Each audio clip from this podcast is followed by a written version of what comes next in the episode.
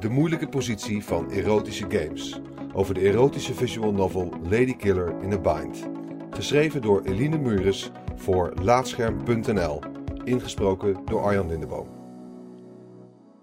Games hebben een ingewikkelde relatie met seks. Enerzijds zien we regelmatig schaars geklede vrouwelijke personages rondlopen, dat veelal niet hoort in de context. Anderzijds wordt seks en met name vrouwelijke seksualiteit actief vermeden in games.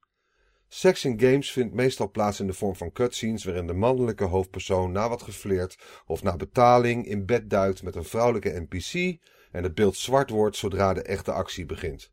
Zoals op meerdere plekken in de westerse cultuur wordt seks behandeld als iets dat niet getoond mag worden. Opmerkelijk, gezien gruwelijk bloederig geweld wel vol in beeld komt.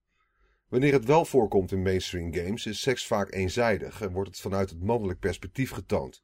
Zelden wordt er aandacht besteed aan hoe leuk, lief, romantisch, grappig, erotisch, wild en ongemakkelijk seks kan zijn.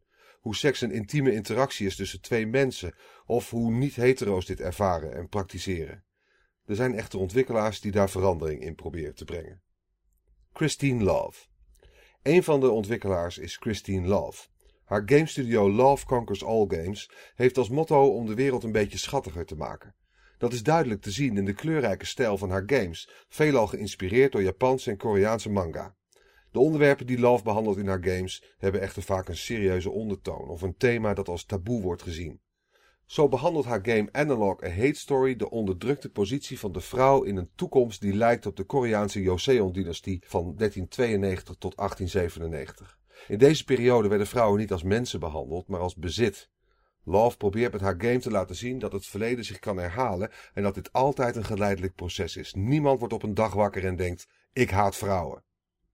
Lady Killer in a Bind. Haar meest recente game is wederom bijzonder. My twin brother made me cross-dressed as him, and now I have to deal with a geeky stalker and a dummy beauty who want me in a bind, of in het kort, Lady Killer in a Bind.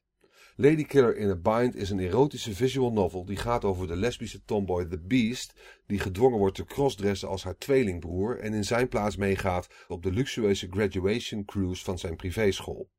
Op het schip ontmoet ze Beauty, die dwars door haar vermomming heen prikt en haar na wat geflirt introduceert in de wereld van BDSM. Als speler kun je ervoor kiezen om deze relatie verder te verkennen en je te onderwerpen aan de kinky lesbische seks, of je te focussen op andere personages. Naast Beauty zit het schip vol met klasgenoten die geen van allen als, tussen aanhalingstekens, normaal kunnen worden omschreven. Van de onderdanige geek tot de zelfverklaarde, tussen aanhalingstekens, slet en vele transseksuele en non-binaire personages.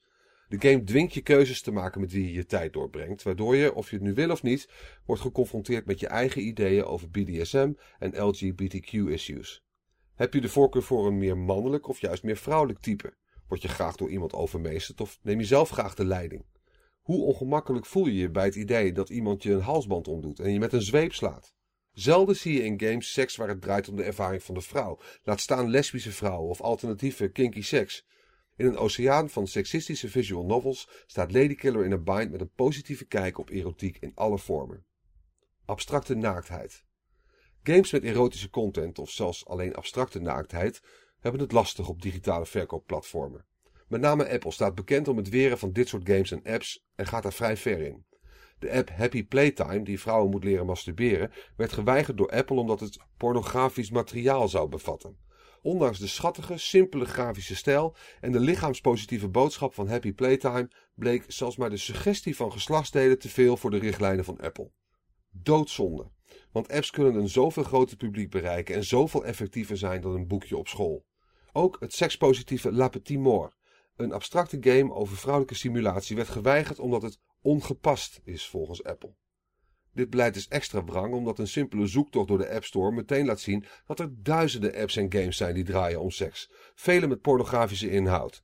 Apps als Bra Scanner, Fingering Secrets en Wobble, waar je een willekeurige foto, dus ook van een ander, kan inladen en iemands borsten kan laten wiebelen.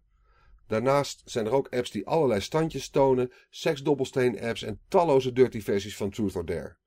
De meest opmerkelijke resultaten die tussen dit alles staan zijn tientallen sex offender locator apps, waarin Amerikanen kunnen zien welke geregistreerde zedendelinquenten er in hun buurt wonen. Indie scene. Gezien zoveel verkoopplatforms games met dit soort content weren, zie je deze spellen vooral in de alternatieve indie scene terug, waar ontwikkelaars zichzelf meer als kunstenaars zien die met het medium experimenteren.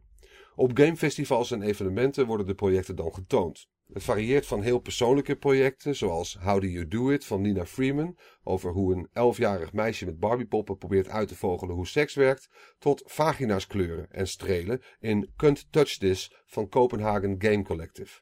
Het hilarische Genital Jousting is nog in ontwikkeling, maar was meteen al de populairste game op festival Amaze. Tijdens de showcase werden dildo's gebruikt als controllers. Voor Christine Love ziet de toekomst er gelukkig zonnig uit. Ze heeft onlangs als een van de eerste erotische games Ladykiller in a Bind ongecensureerd op Steam kunnen publiceren.